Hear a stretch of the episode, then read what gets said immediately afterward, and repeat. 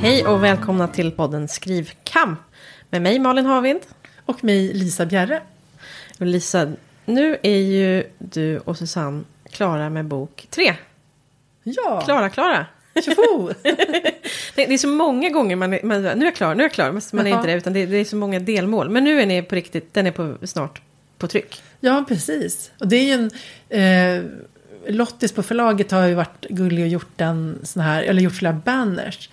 Och så eh, med exempel med, med alla våra tre böcker. Som du kommer ju också kunna ha en sån nästa eh, höst. Eh, det känns faktiskt ganska mäktigt. Alltså Ja. på, i januari då är det så att då kommer vi ha gett ut tre böcker på 20 månader. Ja. Det är ganska liksom, roligt. Ja. Det känns som att det är någonting liksom, när man har tre böcker som står bredvid varandra. Verkligen. Och, och mina, mina kommer, ja det är det också, men mina kommer vara så fina tillsammans. ja, men de har ju sånt eh, tema med olika... Ja, för dina rygg- omslag gjordes väl samtidigt? Ja, precis. De är ju i princip klara liksom. Ja. ja men det kommer vara jättehärligt att se dem tillsammans. Och vi ska ju börja med fjärde boken. Det- Alltså, det, det har ju varit så här, ska jag säga, vi har ju verkt fram titlarna på de här Mm. böckerna. Det har liksom inte funnits från början och det har varit, särskilt den här sista processen var det lite stökigt liksom. Jag har skrivit tusen förslag och då blir ju ni- 990 blir ju så här irrelevanta för innehållet. Alltså man bara Mm. försöker komma på grejer helt eh, ja, desperat. Och då, men det har ju tycker jag att det landat bra. Så här, vi har ensamt vittne, Eko av ett skott, okända avsändare. Jag tycker det funkar. Mm, Men inför bok fyra så har vi liksom en titel redan. Jag ska inte säga den än. Men då har vi och det känns så himla skönt. Och Ann-Marie gillar Mm. titeln. Och, ehm, så att, så, så att så det känns som en... Ja, men så här, jag tänker att då, det blir som en vad som säger, en, en ledstjärna eller liksom en fyr som man kan som, som Ja, styra vägen. Ja, men jag, för jag, nog- jag kommer ju på titlar ganska tidigt i processen tror jag. Mm. Men det, jag, jag tror liksom det är, an, ja, annars skulle jag tycka att det var svårt. Att jag skulle, inte omöjligt att skriva en bok utan titel, men det är någonting att titeln ändå, det blir, ja det blir en fyr. stämning. Ja, en stämning, exakt så. Ja, Så att det, det känns väldigt bra. Och det, det är nästan så att vi har liksom spånat. Jag kom på titeln innan vi hade innehållet. Så lite så här Ah, ja. Men jag vet inte, jag tänkte att det, eller vi tänkte väl att det här skulle kunna vara ett, alltså titeln är ett äm- ämne som är liksom relevant och intressant. Och sen har det fall, fallit sig så. Att det, ja, det finns en story som passar till det. Men i alla fall, men eh, så blir det tvärtom den här gången tänker jag. Men Jo, men det här med redigering. Jag tyckte att du, du pratade ju tidigare avsnitt om det här med digital genomläsning. Just alltså att det. läsa över skärmen. Nu har jag ju läst det här manuset på papper 45 gånger och är skittrött på det. Mm. Men, jag, men jag hann inte göra någon digital genomläsning den här gången. Fast det måste man ändå göra tidigare. För att när man sitter i en pdf så, är det inte så, samma... Alltså då är det ju bara, då är det mycket stökigare med redigering ändå. Då kan man ju Mm. inte själv, då måste man ju skriva in och sen gör redak- redaktören ändringarna. Just det. Så det är ju för alla liksom en mer knölig process. Men, eh, men däremot så har jag gjort, alltså jag har blivit helt förälskad i så här digitalt korr. Mm. Att man söker på, jag menar hur många ord och så vidare. Alltså jag menar för i pdfen är det ju så att om du söker på liksom ordet eh, grubblade så får du ju upp så här. ja, jag har 392 och grubblade. Ja. men alltså, du ser ju det. Eh, och då kan man ju gå in, liksom, jag menar då är det ju, det är ju där då är det ju otroligt mycket enklare än om du sitter på papper. Ja. Att söka upp varje tillfälle där du har exempel liksom, eh, kastade en blick eller sneglade och såna Mm. grejer som vi brukar upprepa. Så, så att det tycker jag är vä- väldigt trevligt. Och sen, det enda som är nackdelen är men man måste hela tiden se eh, runt omkring så att man inte bara la, la in ett tittade istället och så låg det två rader upp. Så det är alltid det Nej, där det. faran. Men sen också det här med Lix SC som vi har nämnt tidigare. Eh, att du kan kopiera hela texten. Gå in på Lix SC, klistra in den. Och förutom att Lix är det L-I-X. eller X, precis, läs, läsbarhetsindex. Mm. Eh, Så förutom att då se, och där tänker jag att jag ska lägga mer tid på nästa gång, för nu kommer jag kanske ihåg det lite sent i processen. Att ehm, förutom att du då ser hur läsbar texten är, och vår eh, var då 27 och ehm, 30 och till 40 eller något sånt där, i så här skönlitteratur och så vidare. Så vi ligger på Vad är det för skala? Alltså, vad är... Ja men gud, ja men jag vet inte om det är, alltså det, ja men det, under 30 är det så här barn ungdom ungefär. Ja, att det är väldigt lättläst. Ja. Men är det upp till 100 tror jag? Eller Eh, jag ska 95? kolla här. Ja. Nej, nej, 60, nu ser jag här. 60. Mm. Så under 30 mycket lättläst barnböcker. Eh, 30 till 40 lättläst skönlitteratur, populärtidningar. Eh, 30, 40 till 45 medelsvår normal tidningstext och sen uppåt då officiella texter och byråkratsvenska det värsta Ja, över 60. Eh, så jag tänker att man ska väl ändå ligga då alltså inom 30-40 behöver man ju ligga tänker jag, eller behöver. Men annars är, det kanske en, alltså om man ska vara Det där, alltså det, Ja, jag, jag, så tänker, att- jag ska inte säga någonting om var man ska ligga eller inte. Men, Ja, men spännande. Jag måste testa, jag har inte gjort det. Eh, jag har tänkt, men det är kul att se på något sätt. Men jag tänker, Ja. vad, det måste ju vara, vad händer om du lägger in liksom, om man lägger in abstrakt poesi? i sån här? Det är ju inte, verkligen inte byråkratsvenska, men det är inte... Ja, det, det, det jag, skulle skulle, säkert vara lättläst. jag, skulle kunna, jag skulle nog kunna fastna i att sitta och bara lägga in lite olika, se vad som händer. Det. Ja. Nej, men som är mest, eller förutom då att man, man kan ju såklart, om, om man får väldigt högt så blir det som en varningstecken tänker jag ändå. Att Ja. man, man, kanske blir, man kanske har ja, krånglat till saker. Mm. Men däremot så är det väldigt användbart att man ser då frekvensordlista. Så att du ser Se hur många gånger varje ord då i, i fallande ordning att du använt och eh, 2000 gånger eh, liksom, och, och så vidare. Och då alla de här och hade han, hon, den, det, det är ju inte så Ja, intressant. det är som det är. Ja. Men, men sen när man kommer lite längre ner då kan man ju se då vissa mer För alla har ju sina, för varje text då, så att man fa, Ja. fa, också. Hur pratar jag? Nej men att man, dels har man det här att, att nästan alla använder för mycket så och ju. Ja. Eh, det kan man ju alltid rensa i, i regel. Ens, alltså Ann-Marie, en, en, en, vad heter den käpphäst för Ann-Marie? Ens. Ens. Alltså det är, och det är väl, nu när jag, hon har påpekat det så ser jag det överallt. Ja. Men Jag, hur, jag, i vill, vilken användningsområde? Så, ja, eller men som- så här, jag ville inte ens gå ut. Ja, okej. Alltså att man håller på med det där hela tiden istället för att skriva så här, han vill inte gå ut. Gå ut, nej, nej precis. Rakt på istället. Ja. Ja. inga omvägar. Eh, jag kan jag hålla med om. Eh, nej men så och ju eh, eh, har ju, det, det strösslar jag med. Det vet jag ju liksom från början att det får jag liksom göra några, några rensningar på. Eh, men sen så är det som att man för varje text, alltså var, och det här kan jag också se när jag har skrivarkurs, att varje person har några favoritord som liksom blir överanvända. Och de behöver ju inte, alla behöver ju inte ryka, men of, ofta behöver ganska må- många ryka. Ja, och frågan är ju så här hur många, alltså, hur många kan det finnas? För jag tycker att ju ovanligare ordet är, desto färre gånger bör det ju upprepas. Ja men exakt så är det ju. Så det är klart vi- att, ja. att kanske får finnas med fler gånger än luguber. Till exempel. Brukar du använda luguber? Jag har aldrig använt luguber. Men det kanske är dags. Det är väl lite så här Claes Östergren-ord tror jag. Ja, som man är känd för. Ja, men, Mm. nej, men ja, precis. Och vi, till, exempel, till exempel så hittade jag så här, ordet greppade. Och då, Mm. då var det 12 fre- eller, eller till och med 22 frekvenser. Och då kände jag så här, det är lite för mycket för det är inte som ett helt rimligt ord. Eller liksom, det, det, det, finns ju andra sätt att skriva det på. Mm. Eh, och sen har ju Ann-Marie lärt oss det här med tomma verb. Mm. Ehm, och, och verb som inte har någon, bär, alltså bär, har någon betydelse, som inte är betydelsebärande. Har du några Ehm, exempel? Stod, låg, satt. Alltså man försöker variera. Låt verben jobba. Alltså liksom att trona istället för att eh, stå på bordet till exempel. Alltså så här, att man, man använder andra...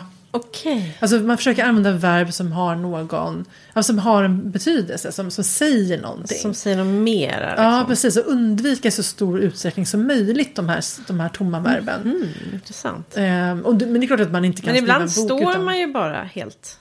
Ja, Jag då kanske man tronar inte hänger. alltid. Kanske man hänger.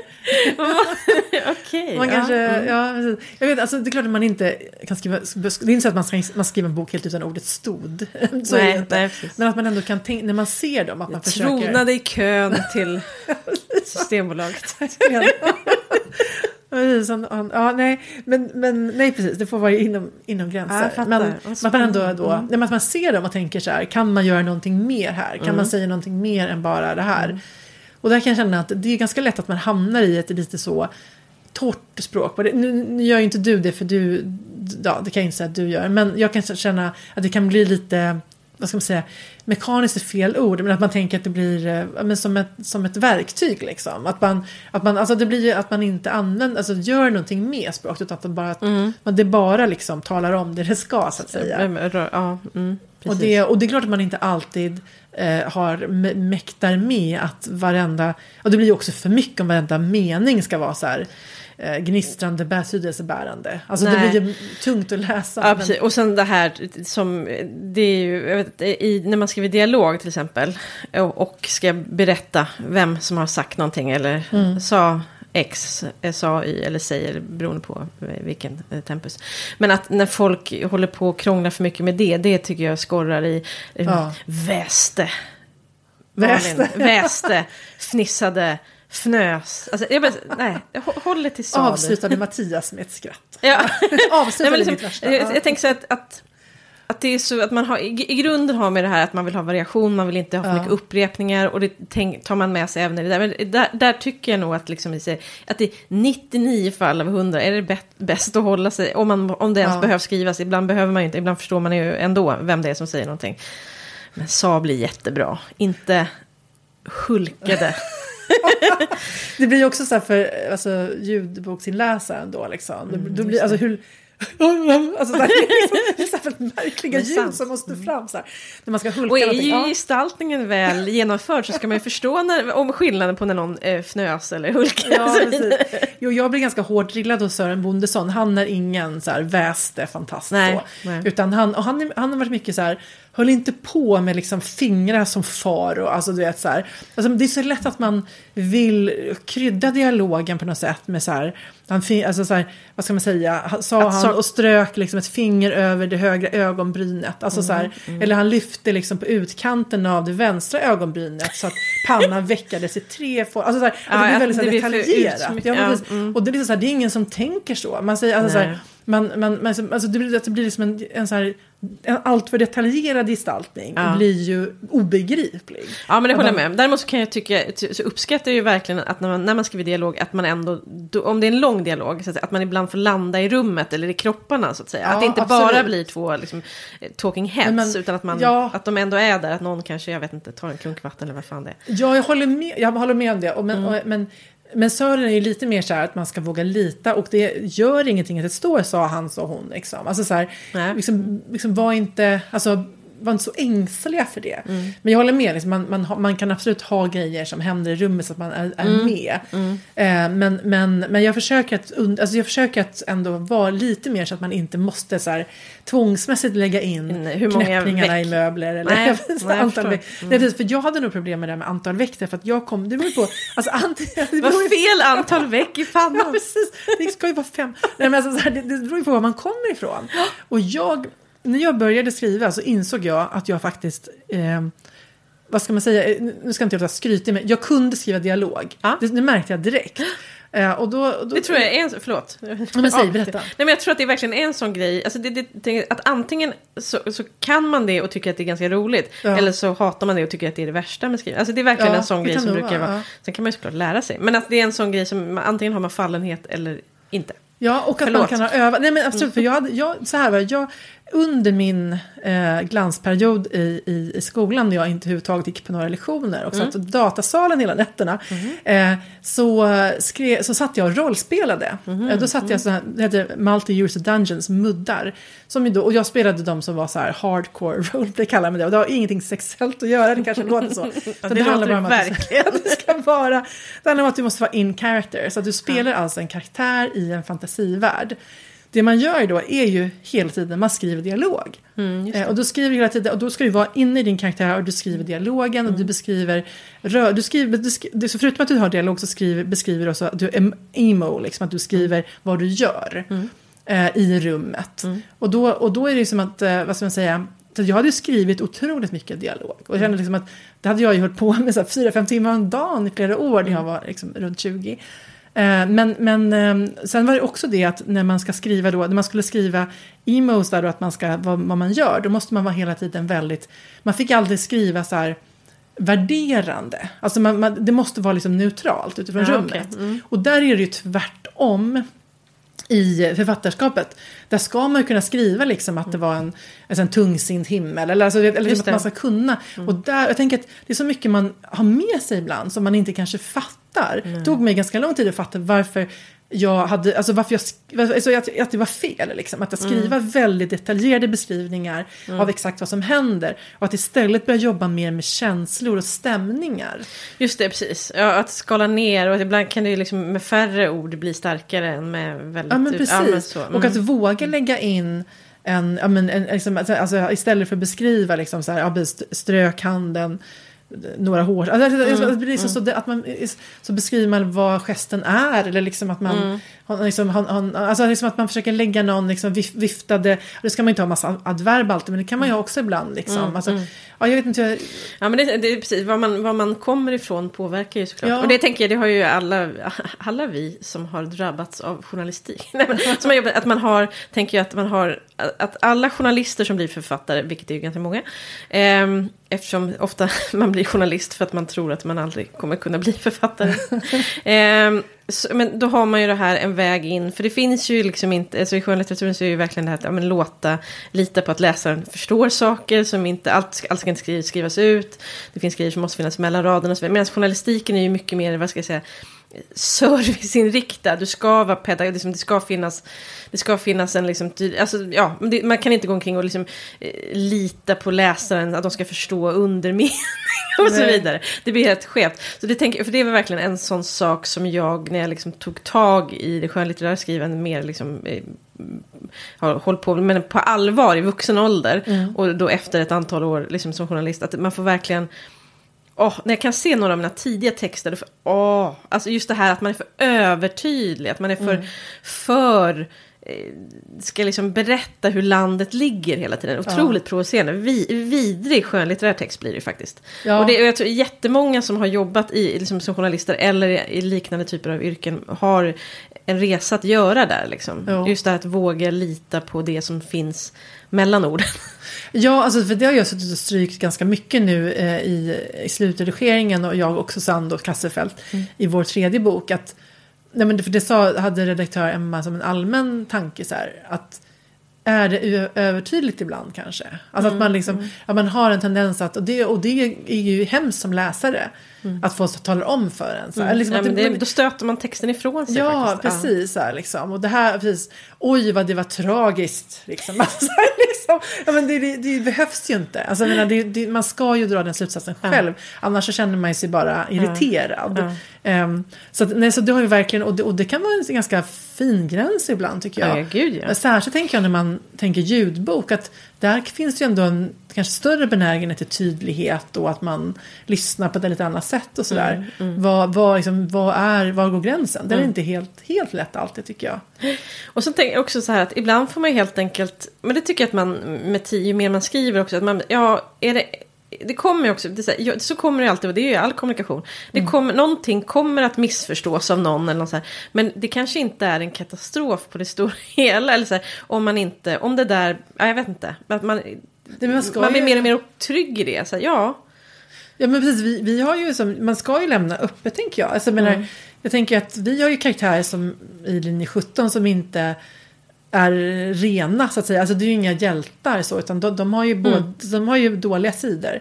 Eh, och det måste man ju som läsare få välja själv hur man förhåller sig till det. Ja. Alltså att, att, alltså, precis, du berättar inte vilken liksom, moralisk ståndpunkt nej, som precis. läsaren ska ta till det. Nej. nej. men verkligen, och det är klart att man kanske kan ana vad författaren anser. Mm. Alltså så här, mm. om, om, vad, om, om det är bra med rasism eller om det är bra med så här, men liksom, nej, men så här, det är klart att man, nej, men det, det, där får man ju ändå, men jag tänker ändå liksom att man ska kunna vad ska man säga, att man ska ändå tänka själv. Att, mm. att är den här, alltså någon som, som jag kanske tycker är en unken åsikt. Mm. Men, men personen har ju ändå ett resonemang. Liksom, mm. Den personen kommer ju också mm. från en plats. Mm.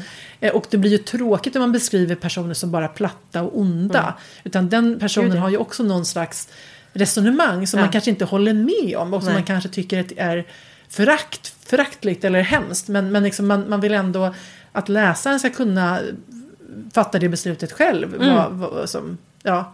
Ja men precis, och det kommer ju alltid vara olika. Man tar en person som har, alltså så här, det, det, tycker jag man, man pratar om böcker, om texter med andra människor. Att en person som någon uppfattar som ett, vilket jävla svin, kommer någon annan säga, ja men det här är ju bara en missförstånd. Det är ju det som ja. är, ja det är det som är själva grejen också. Ja. att man får, och som sagt att man inte som författare går in och berättar, nu ska du tycka det här. Ja precis, det blir tråkigt. Ja men det är som vi pratat om tidigare här, att det är något skevt i liksom att, att man har så moraliska krav på på ja, karaktärer. Precis. Att alla ska gå omkring och vara idealpersoner. Det vore fasansfullt faktiskt. Ja, och det är det som kan bli tycker jag. Om man, det tror jag att det kan bli om man är alldeles för angelägen om att ha ett budskap med sin bok. Att det kan mm. bli lite att det lutar, lite, ja, att det mm. lutar åt fel håll där. Att det blir för övertydligt ibland för att man vill så gärna så här, förstå det här nu, Verkligen. tänk så här nu. Och jag tänker också, eftersom jag nu skriver his, historiskt, eh, och, så, att, att, att där finns det också en fälla tror jag, att när man så här, försöker lägga nutidens så här, eh, konsensus kring hur saker och ting, hur saker ska vara och så vidare. Och så försöker man lägga det på, på dået. Eh, och, eller typ att man, det blir nästan som att man försöker städa upp i dået, göra det snyggare än vad det var. Och det, det blir inte heller bra. Eh, det, Nej. så kan man ju kanske ha det som själva sin idé. Alltså jag vet inte vad, nej, det, det är en idé, jag skulle inte rekommendera den. Men, men att det, det blir konstigt liksom, att Ja. man vill liksom lägga på något nutidsraster på, på dåtiden. Det Ja. blir jättekonstigt. Det blir konstigt, ja precis. Men då måste läsarna på något sätt vara mogna för detta. Ja. Alltså att, att, att inte beslå författaren med olika eh, obehagliga egenskaper. Nej, nej, precis. Och där- Och där är det lite känsligt ibland. De som fattar, fattar. Och de, som- de som inte fattar tror att jag är dum i huvudet. Den är lite jobbig ändå. Men, men, eh, jo, men just det, jag, jag måste bara säga här, jag vet inte eh, om vi kommer in på något så specifikt, vi ska ju prata lite om research eh, också och redigering idag. Men jag vill bara säga att jag fick en sån fantastisk läsning av eh, eh, vår första bok, Ensamt vittne, i eh, en annan podd, Malin och Sillas skriverier. Och då är det Cecilia Andersson som också är författare. Alltså, jag har alltid vetat att jag fängslats av, eller alltid vetat, jag har länge fängslats av processer. Eh, av olika slag. Allt ifrån så här skilsmässa till vad som leder fram till en dödsolycka. Eh, hur en seriemördare blir den den är och så vidare. Eh, och, och, och jag tänkte så här, vad är, ja, men jag, jag, jag har tänkt så här, vad är det jag gillar med det här? Jo men det är processerna som på något sätt fa- fascinerar mig. Att, eh, där, att man liksom inte Alltså, och att man då, om man tänker som man inte vill skilja sig till exempel. Mm. Alltså det är inte bara, både berättandet och privat. Att då, då vill man ju på något sätt förstå, var är de här vändpunkterna? Står jag vid en sån nu? Att om jag gör det här valet så vandrar jag ner den här vägen. Eh, Och då förgrenar den sig på olika sätt. Eh, eller om man då, jag menar, dödsolyckor är lite svårare, då blir det mer att man betraktar skeendet utifrån i film eller så liknande. Att man, att man som, och då, fick, alltså, och då satte hon ord på det här. Hon var så här, den här boken handlar om, eller så här, eh, alltså det här, små, små beslut får stora konsekvenser. Just det. Det var som, att- jag har gått runt och bara tänkt på det här. Små beslut får stora konsekvenser. Vilken jävla bra bok. Ja, men det var så roligt alltså, att man själv har, varit, har, har hållit på att tänka på det här och inte sett det. Nej. Liksom. Men ibland så, krävs det att någon utifrån sätter ord på Ja. vad fan man håller på med. Det är jättefint. Ja, det var jättefint. Så det, det, är kan jag sant, säga att jag ja. intresserar mig för nu. Ja. Jag kommer också tänka på en annan bok. Eh, som, det här har jag ett lästips också. Jag är ganska säker på att den heter något så ganska vanligt som Dagen efter. tror jag den heter. Och det är Lionel Shriver som har skrivit den. Eh, jag, jag återkommer alltid till... Jag tycker ju att Lionel Shriver, vi måste prata om Kevin till exempel, är en helt eh, otrolig läsupplevelse. Men den här är också en spännande bok. För den är då, då är, handlar det inte om kriminalitet eller så, men det handlar om en... Eh, Den, det är en bok som så här, den börjar på ett sätt och sen så tar den två vägar. Eh, det huvudpersonen, det är så här, kommer hon att vara otrogen eller inte eh, mot- sin man? Och så får man liksom följa båda spåren. Man får följa båda liksom hur, hur det går om hon väljer det ena Jaha. eller det andra. Och det är ju det som är så otroligt Ja, jag ska ju inte, men alltså, jag tycker att, det, jag tycker att den är, det är en fantastisk läsning och det är så spännande. Just också att det är så här, det finns, för jag tänker också att ofta i lite, förlåt, men eh, vad ska jag säga, i lite, Försöker hitta Platt- fin formulering. lite plattare, lite plattare böcker kan det vara så att, men då finns det, det fanns ett rätt och ett fel och ett svart och ett vitt här, vilken väg. Men det tycker jag att det är det som är så, det så enastående med boken, att det visar liksom att det finns inga, alltså båda spåren, vad hon än gör, är ju är ju grå, och boken är inte grå på något sätt. Men alltså det är just där, det finns inte, det var, var inte bara att ett sätt var rätt och det andra var fel, utan båda är superkomplexa och innebär en massa olika saker som man inte hade kunnat ana och så vidare. Och det, ja, den är jätteintressant, man bör verkligen så sätter igång många, många heter den, tankar. du? Jag är ganska säker på att den heter Dagen efter. Dagen efter. Det är Lionel Shriver. Det låter ju som en mer trovärdig berättelse än de flesta Hollywood-versioner av det här valet. Sliding doors, men liksom Ja. någonting. Eh, men det är just det, för det är ju så det är. Att det är ju aldrig så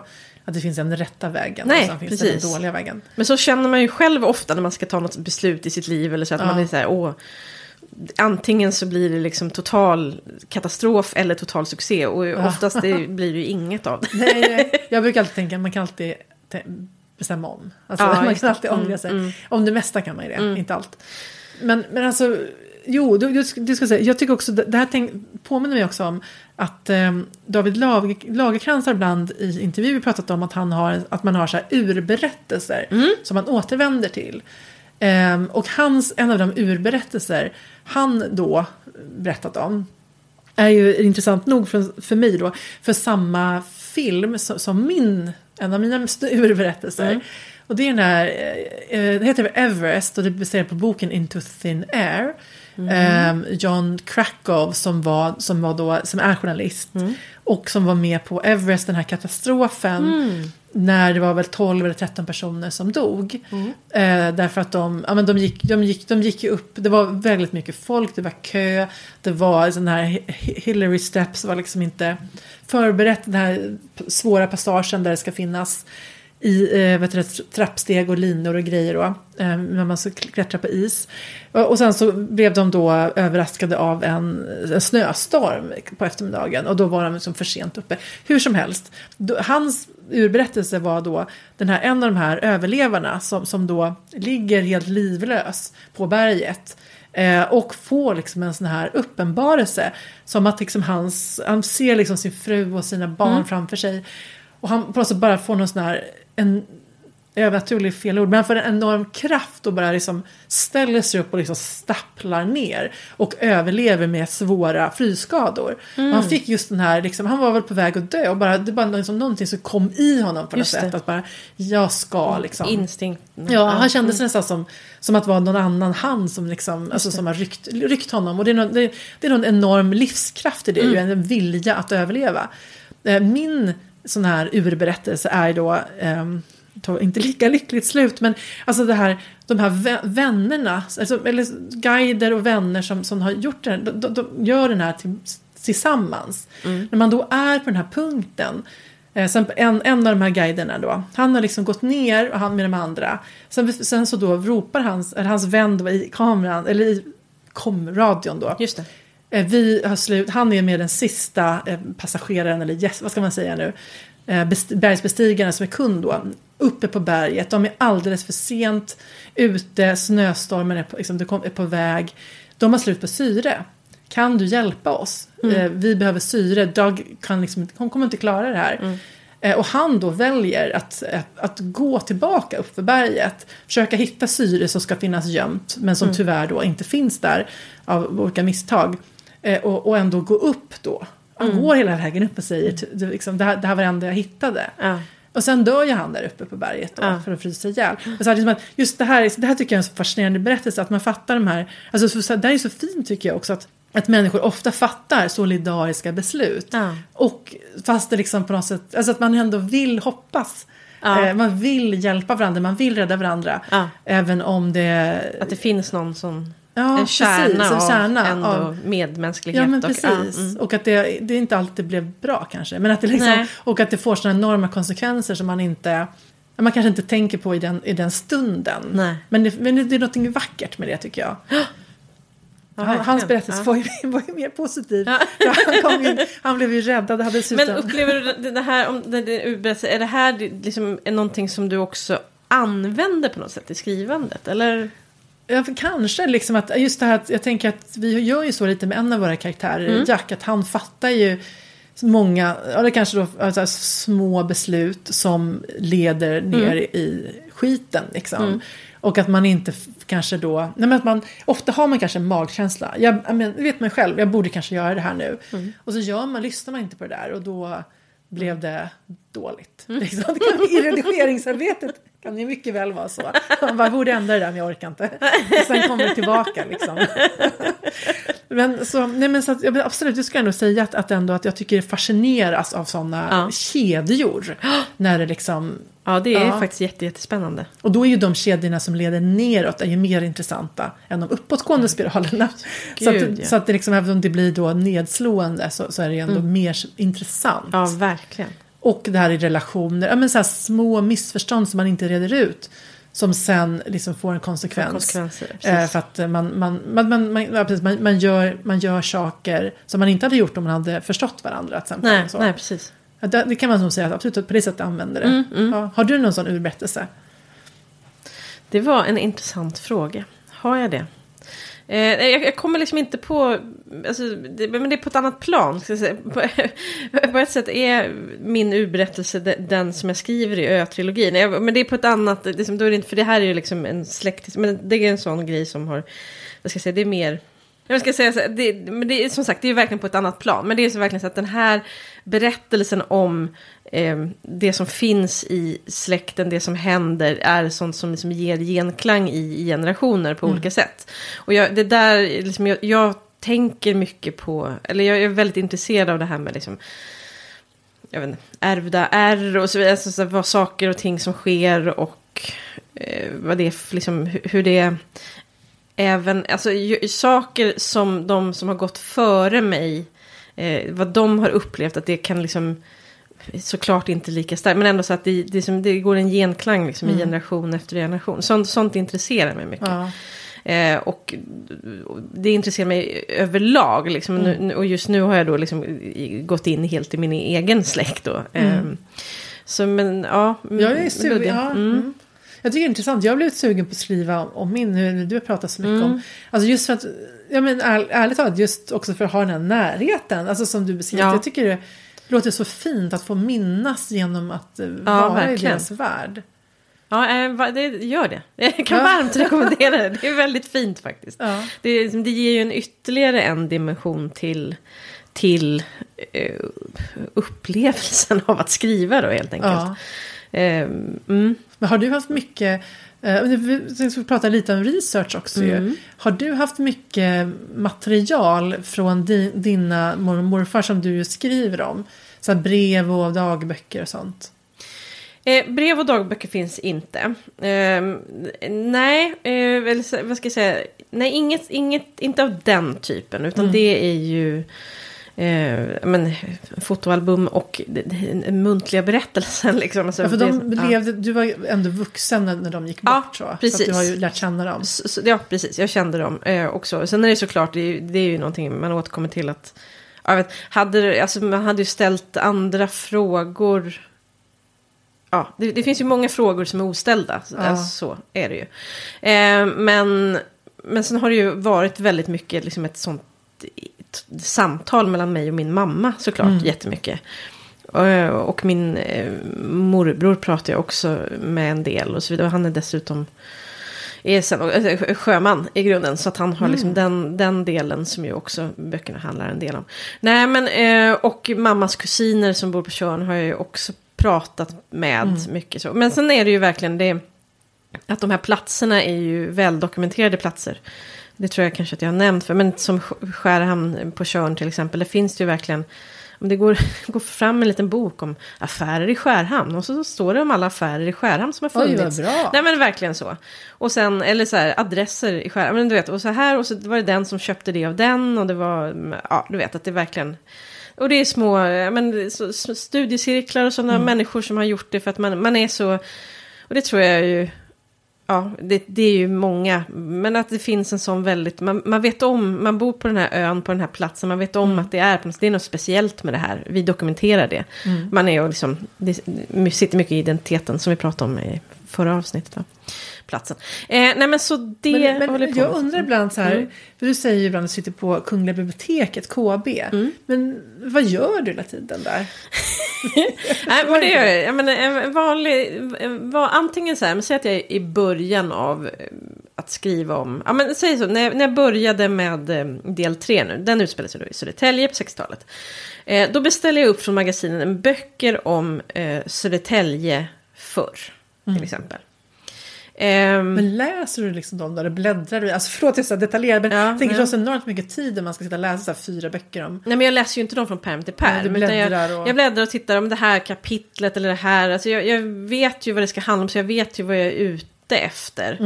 Mm. Eh, och så någon av de böcker jag tar upp är kanske, ja men det är en fotobok från Södertälje på 60-talet. Det gör det, Och det, ju- då är liksom, den bläddrar jag igenom, det är en stor inspiration. Titta på bilder Titta roligt, på bilder, ja. precis. Och, men det verkligen, och, det, men det, och det kan ju ge väldigt mycket till att liksom, och man kommer på hur man vill klä någon i en scen Mm. eller någonting. Och så kan jag ju fota av lite sådär. Så det, det, det gör jag ju. Och då skriver jag in det i liksom i mitt bakland som vi pratar om, att liksom det jag vill ta med mig därifrån. Det är som en dokumentation du har på ett antal sidor. Ja, precis. Eh, eh, och sen så, men sen så jag brukar jag också ha ett par dagar då jag är nere, nere, ett par våningar på KB, där liksom eh, dagstidningarna finns på sån mikrofilm. Så man får ta fram såna små rullar som man sätter in i en liten apparat och ve- ja, det är väldigt roligt. och där finns ju eh, allt liksom. Och då brukar det börja med att jag har några specifika eh, datum, alltså där jag verkligen vill, det är en specifik händelse. Jag säger, i, I del två av min trilogi, då är det så här att kungen, den svenska kungen kommer på liksom, Eriksgård, han är på besök i Skärhamn. Och då tänker jag, den här händelsen vill jag läsa, vad som skrivs om den. Eh, och så tar man ju fram, och då, de ligger ju liksom, det ligger ju inte, här, det är inte tidning för tidning, utan det är ju kanske liksom några veckor eller vad det kan vara på en sån här. Eh, och då börjar jag med att kolla på det som jag, det jag var ute efter. Men jag kollar också i resten. Jag skulle ju också kunna ta fram en slumpmäst här, men då har jag. För det är jätteroligt att titta på hur, vad är annonserna? Eh, vad händer annars? I, och, liksom, och då, tittar, då är det ofta det här lokala tidningar då. Men det, ibland så är det också Dagens Nyheter eller någonting mer. Eh, något mer rikstäckande. om den Ja. är väl en Stockholmstidning såklart. Eh, men att man, att man får också med den här eh, tidsfärgen. Just genom att titta på liksom, Just det. till, ja, men, verkligen annonser. Jätte, och det är inte så att det konkret kommer använda, men det är någonting i det här. Liksom, ja, men, jag, tänker ju alltid på researchen som är två plan. Att det ena planet är det här konkreta, att ta reda på liksom, fakta. Och på det andra är det någonting mer att liksom, färga sitt sinne med Ja. på något sätt. Eh, så det, det är det jag gör på KP, framförallt. Ehm, Men du känner aldrig dig stressad så här, åh gud, ska jag liksom, att, man, att du vill, att du ska hinna all, all research och så, för det tar ju mycket tid. Det tar mycket tid. Eh, och research föder ju mer research. Att man säger, åh, nu ser man i, liksom, i den boken, så hänvisar åh, du måste titta. Nej, och jag, nej men jag, jag tar nog mig ganska god tid där. Också, jag tycker att det är väldigt roligt. Så att jag... ehm, men det är klart, att någon, någon, någon slags, någon, något stopp måste man ju sätta. Men nej, jag är inte stressad över det. Eh, och sen så tyckte jag också det var en sån otrolig, otrolig befrielse när jag insåg att det inte var fel. att- Jag tror att jag hade en bild, och jag tror att kanske inte jag var ensam, att så här ska det gå till. När du går in, först sätter du dig och researchar i, jag vet inte, x antal veckor eller någonting. Sen är du klar med det och då går du över till skrivandet. Men det är ju, hävdar jag, fel. Jag som förordade en total uppluckring. Liksom. Att, det, att det går ur och i varandra. Jag researchar och så kommer jag... För väldigt ofta när jag liksom söker efter någonting. Då kan jag liksom få inspiration till någon scen eller någonting. Ja men skriv den då direkt när jag sitter där på KB. Så, kan jag liksom, så har jag den då. och att utgå från sen. Ehm, och sen, jag sätter heller aldrig totalt stopp. Alltså inte förrän jag lämnar råmanus från mig sätter jag stopp i min... För att om jag får för mig att jag vill kolla något mer, så här, då gör jag det. Ehm, så, så det tycker jag, och det, det var så befriande när jag insåg att, och jag vet inte, det är ingen som har sagt till mig, du måste göra så här. Det var bara jag som hade fått för mig att det var att så man skulle göra. Och så blev det aldrig så, då kände jag mig misslyckad. Men nu känner jag mig inte misslyckad, nu inser jag, men det är så här det ska vara. Det ska vara uppluckrat. Ja, det- det, ska ja. vara in och ut i varandra. Det Men det håller jag med om. Det, enda, det finns ju... eh, Jag, jag gick en, den första deckarkursen jag gick var med Jan Arnald Arnedal. Han berättade ju om sin process. Och han då var, jag gör all research först. Och, och när allting är planerat och jag kan allting, då får jag börja det roliga skrivandet. Ehm, och för mig då, när jag tänkte att jag skulle göra så, så blev det kanske lite... Det blev så himla stort. Jag tror att Ja. det kanske är bättre att inte börja så. Alltså för men då blir det som att man, all, man måste på något sätt komma igång och skriva när man är ny. Eh, så att jag kan förstå att man när man är mer, ja, väsentligt mer rutinerad som, som han ju är, alltså att det kan funka. Men den enda nackdelen jag tycker med att ha det här flytande, för vi är också flytande, vi gör ju en del research som behövs för att vad man säga, skapa historien. Så. Ehm, och liksom den, den vill vi göra ganska tidigt. Och sen fortsätter vi göra research när det dyker upp saker hela tiden.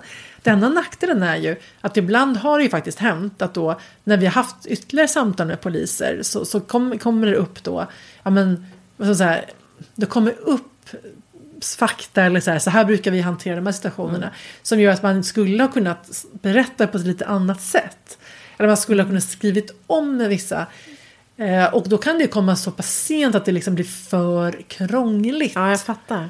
Eh, och då kan man såklart välja så här, nej men nu då river vi upp allting. Ja. Men oftast har vi då känt att nej det är nog inte, vär, det är inte värt att riva upp liksom allt det här Nej. och liksom, så bygga om det.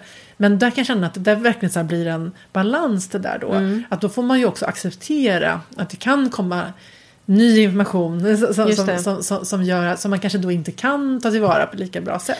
Nej, precis. Men frågan är vad, vad är alternativ? Alternativet kan ju också vara att, det är klart, alternativet kan ju vara att man stänger öronen. Nej, förstår jag, så här, det- Ja. det- fortfarande så är det ju som det är. Ja. Men det, det tycker jag, kan inte du berätta lite om hela den här poliskontakten, alltså hur det går Ja. till? Liksom? Det tycker jag är kul. Ja, men vi har ju då eh, vi har ju etablerat kontakt med en polis som har varit med i alla tre böcker. Eh, som då är, ja men han, vi, vi har ju bara mejlat till pressansvarig på polisen i Stockholm. Och fick då tag i honom. Vi, hade, vi, fick ju, vi har ju pratat med flera men han är en sån som, som vi har liksom återkommit till. Vet Eh, ni om, om ni är hans enda, eller har han flera? Alltså, i i bör, jag tror inte han har fler författare, men Nej. han har... Eller det kan han, jo, det hade han. Nämnde någon faktiskt. Eh, och, ja, så att han, han har också hjälpt till med någon film, film och tv tror jag. Ja. Så han hade, det märktes att han hade så att säga, haft den typen av kontakter ja. Mm. innan och han tyckte det var roligt. Eh, men liksom, det är inte så att det, att det sitter liksom 30 deckarförfattare och ringer till honom. Men, Nej. men han var liksom, vi, var inte, vi är inte de helt enda. Ehm, så, och han var ju då, dels för att han, han är utbildad inom förundersökningar så han kan det och han jobbar patrullerande, liksom, han har väldigt bred erfarenhet eh, utan att vara speciellt gammal. Um, vilket är också före tänker jag, alltså det, det, man vill ju inte alltid ha, det, alltså, det är inte alltid, inte alltid man vill ha någon pensionerad som liksom, det kan ju vara fördelar men man vill, det är också ganska schysst att ha någon som är ute och, och liksom Också eftersom aktuell. era böcker är, känns väldigt så, Ja. här och nu, här och nu, då Ja, blir men- det jätteviktigt. Liksom. Ja men precis. Så, så, nej, men så, att, och han, så, att, så han ringer vi till och han är så himla bra. För dels är han otroligt hjälpsam, glad. Har liksom alltid tar sig tid. Och sen har han ju då, han har fantasi. Eh, han är jäkligt liksom, smart och rolig och har fantasi. Och då innebär det att man kan bolla scenario. Så att för oss, alltså ofta ringer, då kan vi ringa så här och säga, ja men så här nu, Ja, men så här, nu skulle vi behöva att det gick åt helvete. Liksom. Så här, vad Vad kan gå roligt. fel? Så här, liksom, nu ska någon, någon ska bli skjuten här. Liksom. Och så ska man säga så här, skulle vi kunna, så har vi, vi ofta en tanke, ja, men skulle det vara så att de kunde gå in på baksidan och så blir det så här. Mm. Och då säger han, då kan ju han vara så här, nej, men det är däremot kan, liksom så här, hitta, liksom, kan han då. Det är jättebra. Ja, det är Mm. jättebra och det är ju väldigt värdefullt just en person som har den fantasin. Liksom, Att man kan se. Fantasin och kunskapen. Ja, det är ju jättebra. otroligt. Han skulle ju bli en duktig för- författare själv om han ville skriva. För att han har den kombinationen. Men så då, och sen så blir det ju också så att man har detaljerade frågor som är så här, ja men vad är det för, va- vad, vad kan det vara för vapen?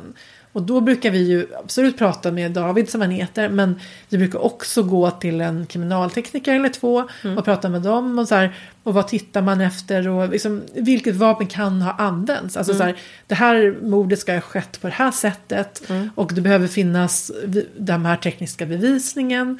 Vad kan det då vara för pistol? Vad finns där ute? Det här är gärningsmannen. Eh, vad kan en sån person få tag i för vapen? Alltså så här, man har ju en budget. liksom, även en mördare har ju en budget. Och, och vissa, vissa kontakter. Så det liksom ska vara trovärdigt på något sätt på, åt alla håll. Och sen, ja precis, ja men alla är detaljer om, att det ska vara rätt, eh, vad heter det, alltså rätt kulor och de ska leta efter rätt saker på, på eh, NFC, kriminalteknikerna och så. Och sen har vi haft kontakt med IT-forensiker, för som våra brott också ibland är IT-relaterade. Ehm, och hur skulle man jobba på olika sätt om man ska, men med söka på IP-adresser och så vidare. Och hur funkar det? Och, ja. Så det, det, liksom, det blir ju, och, då blir det ju, en del är ju bara så här, ja, där skriver vi ner så att det blir rätt detaljer. Och sen är det precis som du säger, en del blir ju mer inspiration och idéer. Ja, Men alltså nu när jag pratade, liksom idén till bok fyra kom i samtal med David om bok tre. För då, han kör ju liksom på, han berättar, jag menar han, vad liksom händer just nu. Och då kom vi in på det som kommer bli liksom temat för den boken. Ja, vad roligt. Och då, så det är ju väldigt, för det är ju roligast att få, när vi skriver som, som du säger här och nu, så det är ju roligast att skriva om saker som är här och nu. Liksom. Så det är på riktigt så. Ja, Att det finns någon grund som är... Ja. Ja. Men om man tänker under en, under en bok, boks tillblivelse, hur, hur mycket, hur tät eller hur mycket kontakt har, har ni med den här David då till exempel?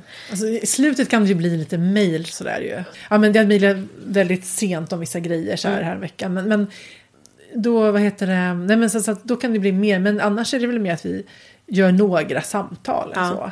Och sen för okända avsändare hade vi också kontakt med en en, den, ja, den främsta skulle jag nog säga, eh, bedrägeriexperten på polisen, Jan Olsson, och honom har jag så här, jag har ju intervjuat honom, jag intervjuar honom kanske två, tre gånger om året för min roll som ekonomireporter. Eh, och då, då blir det ju alltså att man skriver så här om, om aktuella bedrägerier hur kan man skydda sig. Så att en stor del av, av idéerna till eh, ett okänd avsändare kom därifrån. Och då har vi ju intervjuat honom också. Ja men det blir ofta så här, man kör kanske ett eller två ett samtal i början, så här, startinfo. Och sen återkommer man två, tre gånger under skrivandet. Och sen blir det kanske lite mer korta frågor i slutet. Så här. Men det här då, liksom, och kan du läsa den här texten? Kan de säga, kan de, säger de så här i dialogen? För det är också det, dialogen vill man ju ska vara rimligt trovärdig. Ja, precis. Ja, och det, det kan ju vara svårt när man själv inte är polis. Nej. Men du, visst är det, eller eh, har jag, jag har, eh, säg om jag har rätt eller fel, visst är det så att det ändå liksom anses så att säga okej att, alltså så här, skulle man verkligen vara 100% så här, trovärdig, så här går en polisutredning till, eller så här, så skulle det, alltså, det, så, jag tycker att då blir det för tråkigt att läsa det. Att det, Ja. det är ändå det är okej att göra vissa avsteg, att det anses liksom helt okej inom eh, krimlitteratur. Visst är det så? Absolut. Mm. Ja, och jag tycker liksom, det, det kanske man, det tycker man kanske olika, men jag tycker att så länge, alltså det blir så här, när grunderna ändå är korrekta Ja. så måste man ju få göra avsteg för att det ska bli intressant. Det säger ju till och med då vår Liksom, vår poliskontakt David också så här, ja men jag fattar att ni, men jag säger, jag vill, jag, han är ju ibland så här, ja men jag vill, så här går det till egentligen, men så fattar jag att inte ni kan göra det så, för det blir inget kul att läsa. Nej. Alltså man måste liksom ha den, först, liksom, det är ju bra att ha den förståelsen. Ja.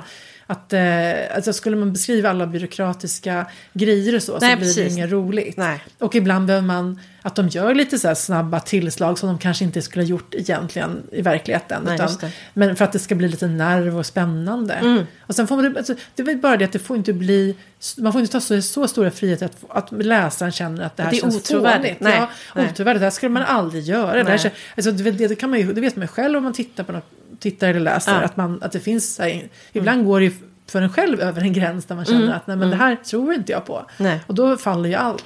Sen kan man ju aldrig ve alltså, veta var den gränsen går. Man får ju bara, man får bara lita på sitt eget omdöme. Ja, precis. Ja, det är en slags jag vet inte, en fingertoppskänsla kanske. Men Ja, och ja. såklart feedback från, Ja. från förläggare och redaktör. Att ja. den är ju väldigt viktig. Men jag, jag tror också att har man gjort sin, gör man, är man ambitiös i sin research som ju ni är, alltså, så tänker jag att då är då är det ju inte så stor risk. Jag tänker jag att man sviker läsaren på det sättet tror jag. Utan det Ja. är väl så om man är en sån som försöker hasta förbi det kanske. Jo, men så är det väl kanske. Och sen, ja. Men jag börjar fundera på en, en annan sak. Och det är, ja men nu, jag vet ju liksom att om, om jag tänker några steg framåt i, i vad, vad jag vill skriva och så vidare.